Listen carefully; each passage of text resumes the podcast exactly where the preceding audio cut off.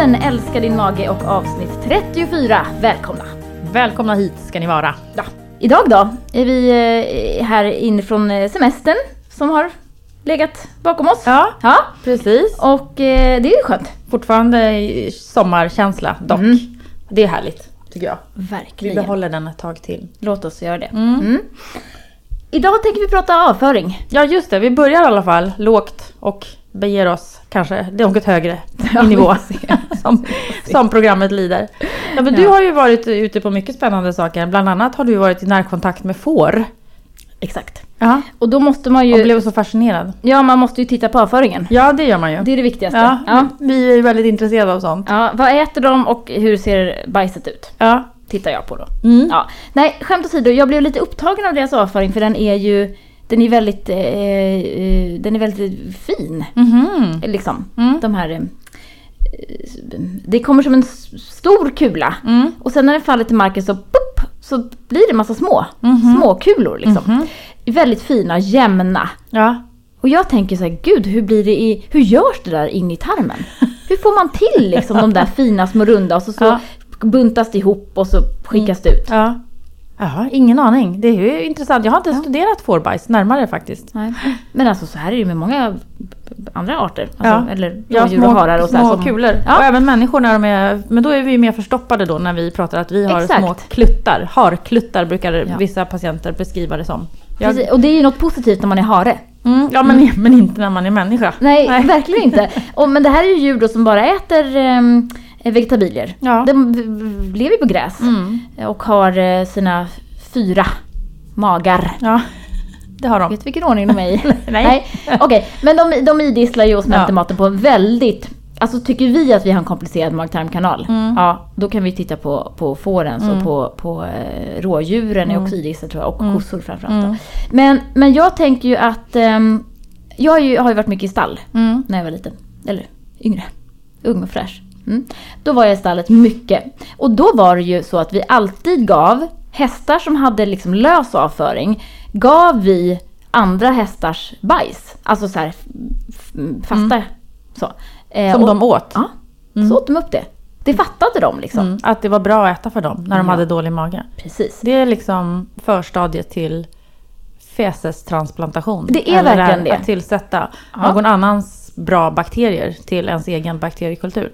Och det här har man ju känt till i ja, Mm. 30 år minst på djur då. Ehm, det är ju många djur som äter sin egen avföring. Alltså då heter ju det koprofag. Åh! Om du vill Alltså det känns som att du har, borde satsa på en ka- karriär på SLU snart här. Ja, kanske, Stockholms lantbruksuniversitet. och blir någon Det här sorts... spåret. biolog. Det Känns, ja precis, Mm. väldigt... eh, Det kanske jag gör. Ja, eller, eller- eller inte. nej, men jag, Det får du inte göra. Nej, men jag Nej. tycker det är intressant Ja. att man kan då... Alltså de underhåller sin bakterieflora Mm. genom att äta eh, sin egen eh, avföring. Och det är Mm. ju, det är ju häftigt. Eh, men, men ehm, och det finns ju då, det är ju typ harar och kaniner och marsvin och råttor och, och kossor faktiskt också.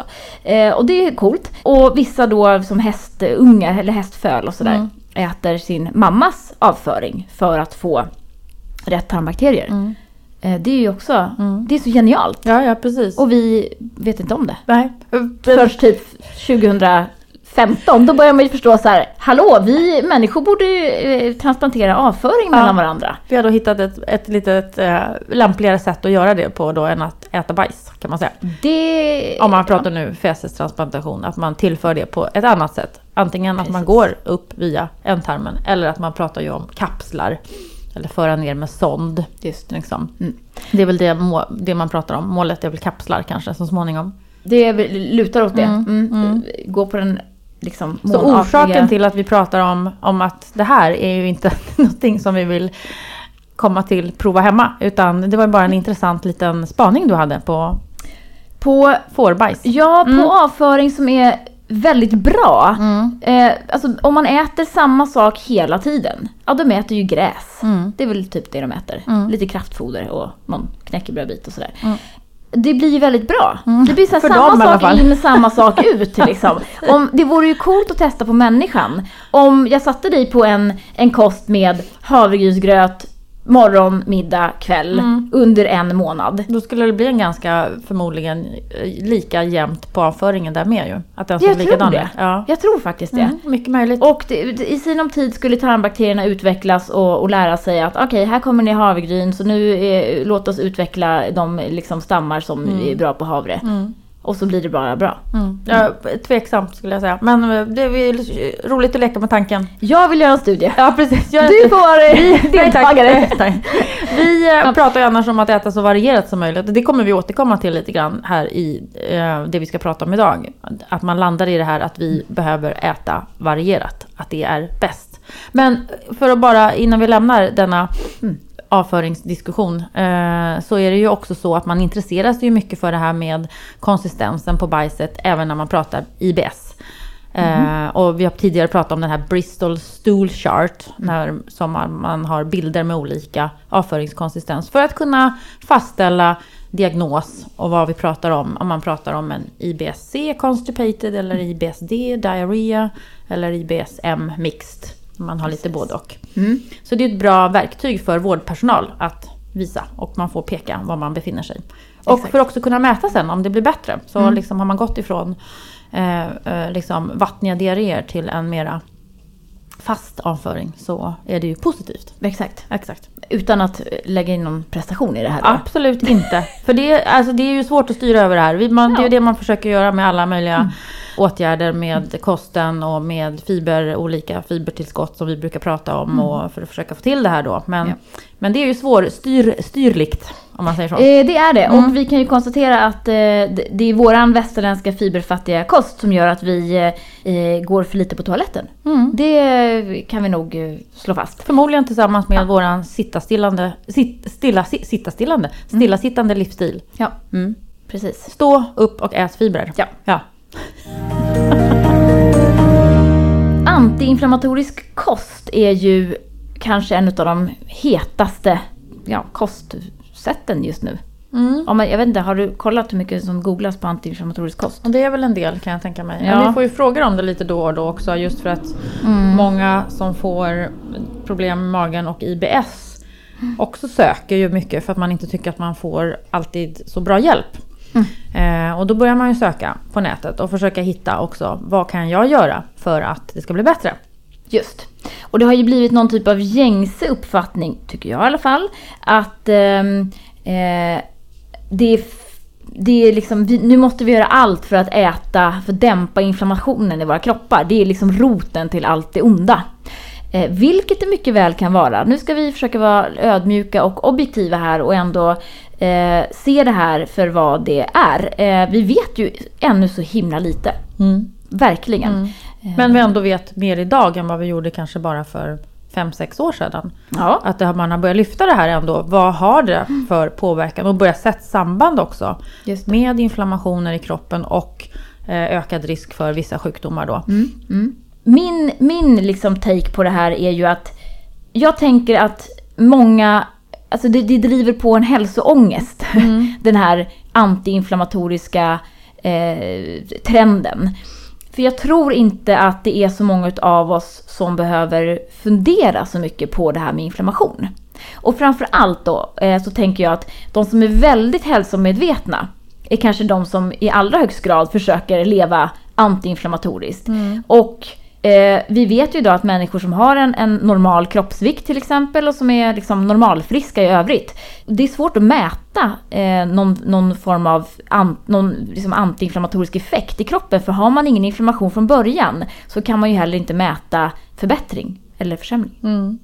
Och det är därför man, av samma orsak då som man ser just på de som har haft hjärt-kärlsjukdom eller övervikt, fetma, där man då ser vissa inflammationstillstånd. Och där kan man ju mäta lite lättare då förbättringar vid vissa förändringar Ja, ja, precis. Mm. Precis. Och det är ju så att vi... Det finns ju ganska få välgjorda studier. Eh, man brukar prata om att, att man ser orsakssamband eller att det korrelerar och så här. Det finns ju grader när man gör studier hur, hur de ska vara. Det ska vara dubbelblinda randomiserade studier, det är liksom eh, hög evidensgrad och, och så vidare. Eh, många av de här stora, alltså koststudier överlag är ju sjukt svårt. Därför att vi är vi är dåliga på att rapportera. Mm. Eh, och det var vi inne på tidigare här också, att eh, det blir ofta lite för mycket grönt och, och lite för lite av det här liksom, fluffmaten. Eh, och dessutom så är vi inte så uthålliga. Så ska man mäta hur, hur en människa äter under flera år, det vet ju alla vi som hållit på för matdagböcker och så vidare. Man kanske inte, man orkar liksom några månader och sen så faller man liksom ur. Mm. Så det är svårt. Och dessutom då så är det ju väldigt lite undersökt enskilda livsmedels påverkan på eh, inflammationen i kroppen. Mm. Och det blir ju lite två olika saker. För en sak är ju liksom vad som kan driva på en inflammation. Eh, liksom, vad är det kosten som eventuellt kan göra det? Mm. Där rött kött och, och, bland annat socker då bland annat har fått liksom varit i, i ropet på det. Mm. Men, och en annan sida av myntet är ju vad för kost kan man äta för att dämpa inflammationer eller eventuellt mm. förebygga att inte inflammationer uppstår. Mm. Så det finns ju några liksom, större studier där man har studerat människor över längre tid, stora mm. grupper. Och eh, kanske efter det börjat dela in dem. Hur har, den här, hur har de ätit då, då? Vilka var det som fick hjärt-kärlsjukdom och vilka fick inte det? Mm. Och ser man några samband där? Mm. Och det blir kanske sådana studier som blir intressanta i, i längden då. När man, om man kan gruppera människor efter om de åt mycket eh, grönsaker och frukt mm. och eh, mycket omättat fett, fet fisk och, och mm. sådana saker. Kontra en grupp som åt mera rött kött och mm. inte åt så mycket grönsaker. Mm. Det som vi idag kallar för den västerländska mm. livsstilen där det är vitt mjöl och, och, socker och mycket kött och så vidare. Den, den, vi kommer nästan hela tiden tillbaka till den att den vet vi är mindre gynnsam av mm. många olika anledningar. Eh, men är man en, en person som, som inte är överviktig överviktig eh, så kanske det inte spelar någon roll om man äter en pizza. Har man däremot en övervikt och en diabetes typ 2 till exempel, då vet man att det kanske inte är så bra att ha det kostmönstret, den västerländska. Mm. Men alltså inflammation och inflammatoriska processer, många med IBS tror att man har inflammation i tarmen, vilket ju eh, inte stämmer i de flesta fall.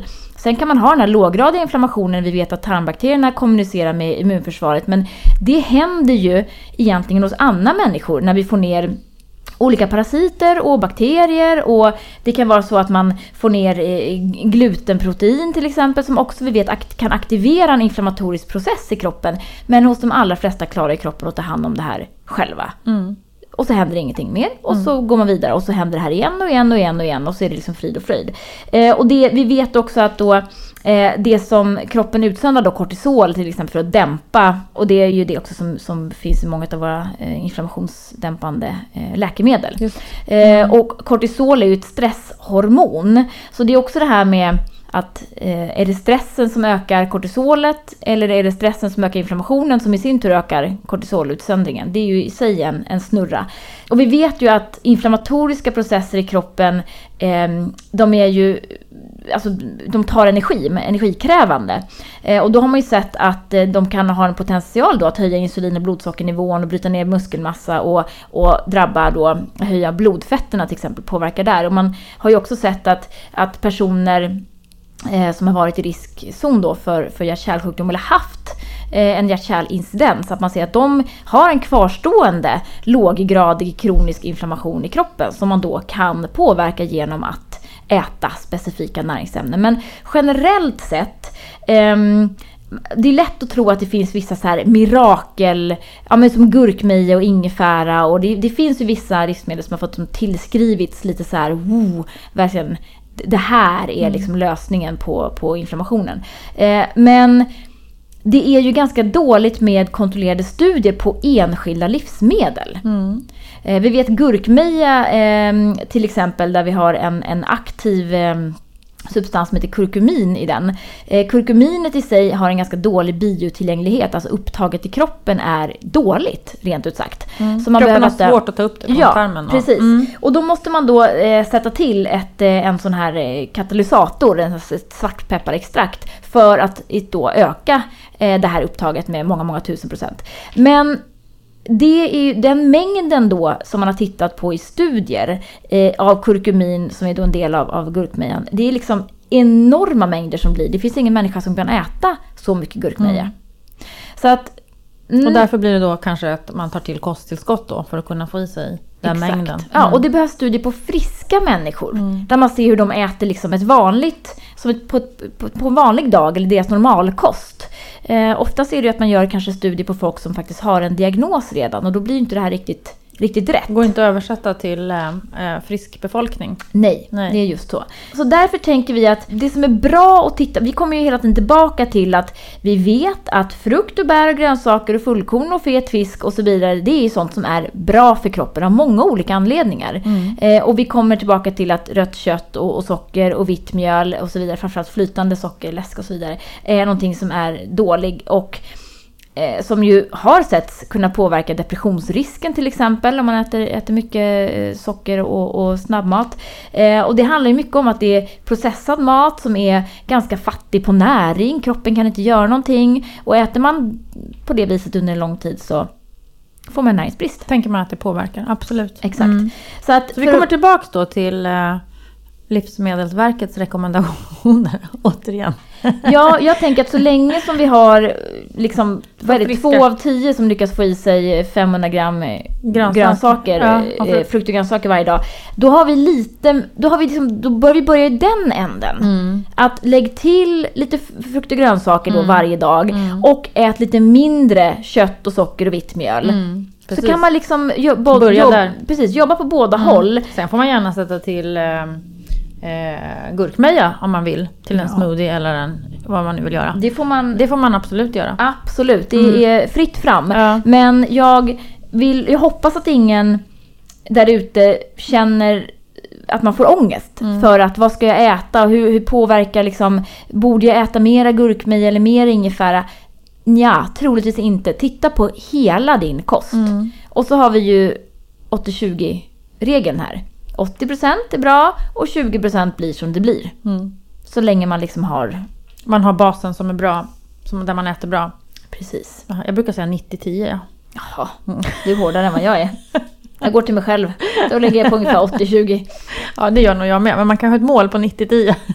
Det får man Jo, men det är ju så. Det som vi äter varje dag, som vi äter större delen av tiden, det är det som får betyd betydelse för det. Ja, eh, För hälsan. Och sen så finns det nog plats kanske till lite av det andra också. absolut. Eh, Och vi, vi har ju sett, det finns ju studier på, på Crohns till exempel, inflammatoriska tarmsjukdomar, där man har sett en minskning av eh, inflammationsmarkörer efter att man har gått in på sådana autoinflammatoriskt eh, protokoll. Ehm, eh, och det är klart att har man en inflammation från början så är det fullt möjligt att, att äta sig till en, en lägre grad av inflammation. det har verkar vi liksom. Det verkar Mm. som att det skulle kunna funka. Så att har man det här grund, eh, grundproblemet så, och likadant med, med depression. Man kan säkert äta sig gladare på många sätt. Ehm, men, men där vet vi också att är man deppad så är det ju så lätt att ta den där s- snickersen. sätta igång med det då. Så det är ju, då kommer man Exakt. också tillbaka till det här, bättre att förebygga än att bota. Eh, Ja. Och det gäller ju många saker. Det är bättre att, att äta bra och inte gå upp i vikt för det är så jäkla svårt att gå ner i vikt sen. Mm. Liksom, bland annat. Exakt. Det, men det är ju det här, vi, det är svårt. Vi lever i ett samhälle där vi är omgivna av mat 24 timmar om dygnet. Vi är omgivna av ganska mycket dålig mat. Vi har, ganska, vi har tillgång till mat på, som vi aldrig haft i vår historia som människor. Har vi i den här delen av världen i alla fall. Och det gör det ju lite svårt för oss. För, för vi har ju också ett driv av att äta och bli frestade av mat. Och eh, Absolut. fett och socker är Oh, ja. liksom, det Ja. har vi ju. Så att det, är, det, det är en ny situation för oss att stå emot. Ja, det är, det är ju inte ny, men ändå är den ny. Ja. Alltså om man tittar rent evolutionärt så, så är vi, vi är bara i början av det här. Ja. Eh, och det är ju klart att vi vet ju att belöningssystem, stressen påverkar ju jättemycket. Eh, kommer hem från jobbet och vill unna sig någonting. Och ska man ju unna sig varje dag så blir det ju lite problematiskt i, när man räknar ihop det här i slutet av veckan eller månaden. Eh, går som inte alltid ihop sig. Och sen har vi en, en annan grupp och det är ju många av våra kära lyssnare som är i den andra änden av skalan som inte kan äta Nej. massa saker för de har så jobbigt i magen så de måste ta bort och ta bort. Ja. Så det, den problematiken vet, är vi ju väl medvetna om att den finns också. Eh, såklart eftersom vi jobbar mycket med den. Men där är det också då, just när man pratar med FODMAP, att kanske kunna hitta de här sakerna som man då kan äta ändå. Och det är ju det som den kostbehandlingen går ut på mycket. För att ibland kunna utvidga sin repertoar med saker som man inte tänkte på kanske att man kunde äta. Ja. Och sen tänker jag också på just det här, för det är en skillnad på just när vi pratar om inflammatorisk kost i relation till, till mag-tarmsjukdomar. Du nämnde IBD, de inflammatoriska tarmsjukdomarna. Och att FODMAP är ju mer in och eh, lindrar symptom. Eh, och inte liksom botar någonting utan det är mer en symptomhantering. Vad vi vet i alla fall om Ja. FODMAP idag. Absolut. Mm. Och sen måste vi också vara ödmjuka inför att, som sagt, vi vet inte allt. Och är det så att man känner att man har haft eh, ledsmärtor, eh, någon typ av artros eller vad man nu har för någonting. Eh, och man väljer att äta då antiinflammatoriskt, vilket ju i sig är ett ganska vitt begrepp. Det finns ju, det är ingen som helst det finns ju jättemånga definitioner. Varianter. Ja, Mm. var, varianter av definitionen. Men ehm, om man känner att man har blivit bättre, ja, då är väl det helt fantastiskt. Fantastiskt. Det är väl jättebra. Eh, så att vi vill liksom, eh, vi vill eh, försiktigt bekräfta men absolut inte förkasta detta. Det finns definitivt en koppling mellan det vi äter och hur vi mår. Det är liksom, det är väl Ja, det- både i din och min grund, liksom, idén med det vi håller på med. Eh, det behövs mer forskning men eh, incitamentet måste ändras också i forskningen. Det kan inte bara vara så att det läggs pengar på stora läkemedelsstudier utan näring och livsmedel måste också studeras närmare. Ah, du har så rätt. Jag så har klokt. ibland väldigt rätt. Mycket. Veckans eh, tips från mig till eh, er kommer på nu. Ja, det vad är det? eh, Ja men alltså det är ju eh, sommarpratet med Mona Esmailzadeh. Mhm. Hon är, ja, hon är en jävla cool tjej alltså. Ja. Ja. otroligt. Hon är ju då eh, läkare och neuroforskare och entreprenör. Eh, hon har ju startat en, en klinik. ehm, jag kan inte jättemycket om henne. Jag, har bara, jag bara kom på att jag var tvungen att tipsa om det här för det här är ju hon, hennes sommarprat. Alltså jag lyssnade på det i bilen och jag och min sambo tittade på varandra och bara sa "Det- finns ju fan hopp. Ja. Det kommer ju att lösa Ja, sig det här. ja. För män- För mänskligheten, alltså sjukdomsmässigt. Okej. Ja. Hon är ju väldigt mycket inne på det här med varför behandla när vi väl har fått en sjukdom och då kanske det är för sent. Vi behöver ju börja förebygga Mm. Okej. och då måste vi börja titta på våra gener. Och ta prover och se om man har... Ah, Okej. Precis. Så att, Intressant. eh, hon menar att de här gentesterna som idag kanske kostar en 10 000 spänn om man vill eh, åka till eh, Schweiz Ja. och göra dem vad man nu. ehm, de kommer ju eh, inom 10 år vara tillgängliga eh, gratis Mm. för liksom, inom landstinget. Mhm. Och då kan man så småningom gå in och, och, och klippa bort liksom en sån här gensaxa. Så man klipper bort eh, då gener för olika tillstånd, eh, cancer etc. Mm. Ah, jag vet inte. Gå, lyssna Ja, själva. det... Jag kände bara, som jag, jag har ju lite ångest. Sjukdomsångest. Ja, så då Eh, blev du lite lugn. Ja, faktiskt. Så det ska- kändes ändå som att det har, det har hänt så mycket bra på så kort Ja. tid i vår historia. Ehm, sjukdomsmässigt och, och hur man kan bota cancer eller, hur, hur många man fler. Och det är exponentiellt det här då. Det är det som är det fina. Utvecklingen liksom, eh, går ju inte ett steg i taget utan det, det, det, liksom, det, det dubblar ju farten hela Mm, tiden. Så att det är enormt intressant. Vad roligt. Lyssna på Mona Gud, det, det ska jag göra. Det har inte jag Mm. heller gjort. Det är ju skönt att vi kommer att leva tills vi blir 150 då, eller? Ja, men vissa menar ju att den första tusenåringen är född. Jaha. Men då vill jag bara höja ett finger för klimatförändringarna. Våran lilla jord kanske inte kommer att leva så länge om vi fortsätter så här. Nej. Ja, det, är, det är ett annat avsnitt. Kan vi sitta och paddla i havet i våra, i våra plastjollar och... Ja, det är så det hemskt. finns ingen jord Jag kvar. blir, det kan göra mig rädd. Ja, Mm, faktiskt. gör något åt det. Ja, jag försöker hela tiden. Rädda en säl. Ja. Eller, En säl? nej, nu får man börja rädda is snart. Köp Ja, ett ja, isblock. i, ja, kan man göra det? Köp isblock. De ska helst ligga kvar där uppe. Det är det som är problemet, att de inte gör Ja, det. man kan väl rädda dem där Och de kärlen går ut hundran och växthusgaserna bara stiger upp. Ja, men i då kommer det något litet AI-bolag förstår du, så löser de den herregud, problematiken jag hoppas det. Ja, Ja, fint. ja, från ett tips till ett annat tänkte jag på då. Ja, vi- har pratat om det här förut, men vi ska bara lyfta lite grann idag också. Grönkål. Man kan aldrig lyfta grönkål för, För mycket. mycket. Grönkål är värt att lyftas många gånger. Det är ju en liten studie som har visat att ehm, just grönkålen innehåller ett ämne som heter lutein. Som då har eh, minskat ehm, inflammationsmarkörer på tidigare hjärt-kärlsjukdomspatienter, om man får säga så. Det är ju bra. Det vi precis pratade om där, att för vissa kanske som har haft sjukdom där det finns inflammationer inblandade, att det finns enskilda ämnen i, i, i livsmedel som kan faktiskt eh, hjälpa. Ja, och man borde ju kunna ta ett tillskott på lutein. För man har sett att de här människorna då efter sin sjukdom eh, har haft lägre nivåer av, av lutein. Jag tänker att antingen käkar man massa grönkål eller spenat. som det också just finns det. i. Eh, eller så kanske man ska ta tillskott på lutein. Jag har ingen aning om hur, hur det verkar i kroppen dock. Det är väl ingen som har tittat Nej, på det. precis. Mm. Men det blir ju åter, och det blir så här, ja men, och alla de här olika grönsakerna och eh, kål då är ju, topp, ligger ju i topp på sådana här olika ämnen som är, har visat sig sätta sig, kunna sättas i samband med skyddande effekter. Mm. Så det blir återigen det här, försök att äta varierat och ät sånt här också. Och grönkål är ju en av mina favoriter. Och faktiskt idag så upptäckte jag eh, fryst grönkål på riktigt. För att jag har eh, ganska mycket fryst grönkål i min frys. På Eh, grund av... Rimligt. Men vänta nu här. På. Alltså, eh, har du köpt en fryst? Ja, ja. Ja. I en litet... eh, Nej, så här är det. Jag har en son. Som ät, äter eh, i stort sett vegetarisk mat. Mm. Bara. Och han gör en del smoothies. Där han eh, blandar i grönkål i sina smoothies. Han blandar också grönkål i när han gör olika grytor och färser och så vidare.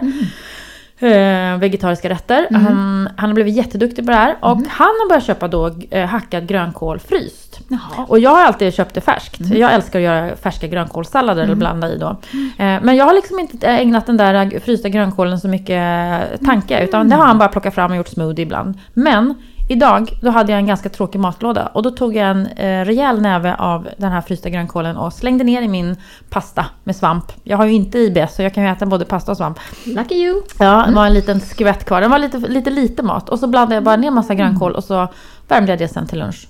Och det var ju fantastiskt gott också. Och kändes ju nyttigt på en gång. Ja, exakt. Och det är ju det här vi menar nu. Alltså istället för att fundera på eh, borde jag äta mer sånt, borde jag äta mindre. Lägg då till lite grönkål, ha det fryst, perfekt att lägga på Ja. salladen eller lägga på sin pasta eller vad, vad man nu gör. Edamamebönor, samma sak. De kan man köpa frysta. De kan man också bara ta en näve, de är perfekta. Mm. Så tinar de upp till man har kommit till jobbet. Mm. Eh, konserverade linser. Ja. Det är liksom tre bra konkreta, lägg till en näve om dagen så blir saker och ting lite bättre Ja. förmodligen. Inte jag. Det kanske inte löser alla problem i en men, men alltså det behöver inte vara så mycket svårare än så, Nej, tycker vi. nej tycker Nej. inte vi. Bra, Ja. bra tips där tycker jag. Mm. Det var allt för idag. Det var det. Dagen idag. Dagen idag och eh, vi tackar som vanligt Mag och tarmförbundet eh, som är eh, vår sponsor. magotarm.se går ni in på för att komma till deras hemsida. Vi eh, tipsar om, om ni vill ha flera salladsrecept så kan ni ju ta och köpa en kokbok som heter Lugn mage med grön mat. En trevlig kokbok Mm. för dig med IBS. Där finns Och det minsann. även andra.